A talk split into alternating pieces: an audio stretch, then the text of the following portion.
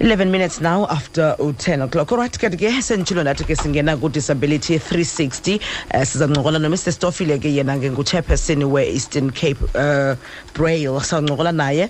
braille institute for the blind so ke sithethe ke ngalo mba wokubana bethanda uxhaphazeka kakhulu abantu abangaboniyo fumanisa uba ngamanye amaxesha um xa bekhwele eteksini uzayokothulwa kwindawo um ah, engeyo engeso stop sakhe eh, eh, okanye mhlawumbi eh, othulwe sele sigqithile istop sakhe you know ezo nto zinjalo zezinye zezinto ezenzekayo too uh, you know blind and partially sighted passengers so sifuna uke sincokole ke nomr stofile ngawo lo mcimbi lona kodwa ke masiqale kuqala sikwamkele into disability 360 sijongana nemiba echaphazela abo bakhubazekileyo this is disability 360 kuezentlalo noyiphathelwe yi-sabc foundation mr stofile masikwamkele nkqubeni mola mola sisi kunjani namhlanje tatam sikhona sisakhonda kunjani ku sirayithi nathi enkosi akho nto masibulele ngexesha lakho Mr Sofele qoba nje zesiphi challenges eh, enithi nidibane nazo ningabantu abangaboniyo xa nikhwele inqwelo ke ezikawonke wonke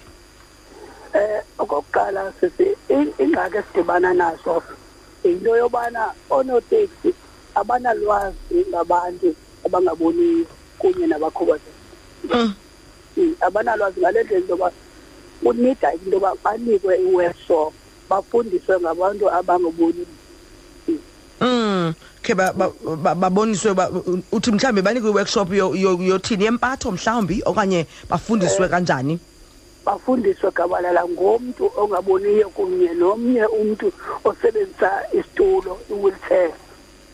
okay so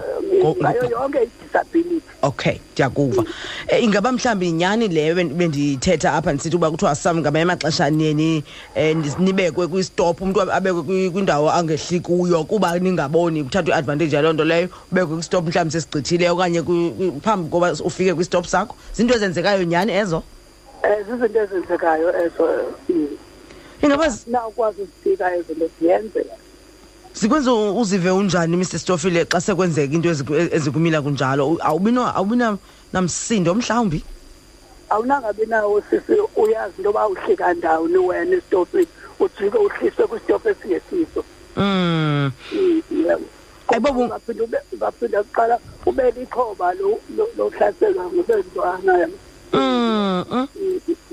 mm, loo nto ke ngoku lana ayinibangeli into yobana mhlawumbi nizibone sele ninomsindo kubo bonke oonoteksi because i'm sure uba aba not bonke benza olu hlobo but um bakhona aba ke baqatseleyo nabanga baziphethanga kakuhle so sendiba nje nizibona ke ngonana ibehavior yabo inenza nina nifilishe njani towards bona ewe eh, sisi ukuba singazumazi ngokumbona uba uba uba bubombona buzamchaza uba ulolu hlobo mm. awuzukwazi ukumchaza even siye sibabambe ngokwethoni indlela athetha ngayo umntu mm. sizokwazi ke ngokumbamba uba ngubani lo omnye uyakwazi uzifihla ke ngoku azidile kwayilisi ya kuba ifuna into yobana ungamazi uba kubani tyhini imbi le nto so um ingaba mhlawumbi ucinga uba yinto engcono mr stofile xa kunothiwa kukho specifically ngo eh, iiteksi ezijongene eh, nabantu abakhubazekileyo gabalala enazi into yobana ke yabona ke aba njengoba usitsho uba baworkshopiwe bayayazi yonke imeko ucinga uba mhlawumbi um ingayinto enganincedisa noko leyo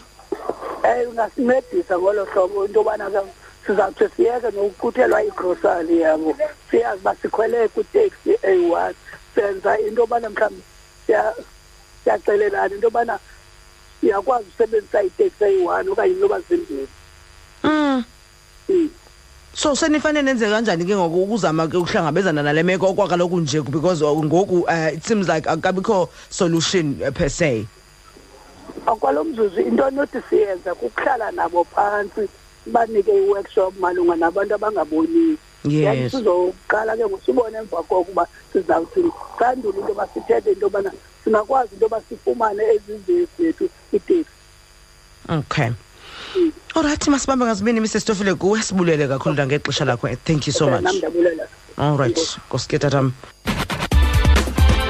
idisability 360 ubuyiphathelwe yitrue fm ibambisene ne-sabc foundation for more disability content visit sabc disability 360 on facebook or follow at sabc disability on twitter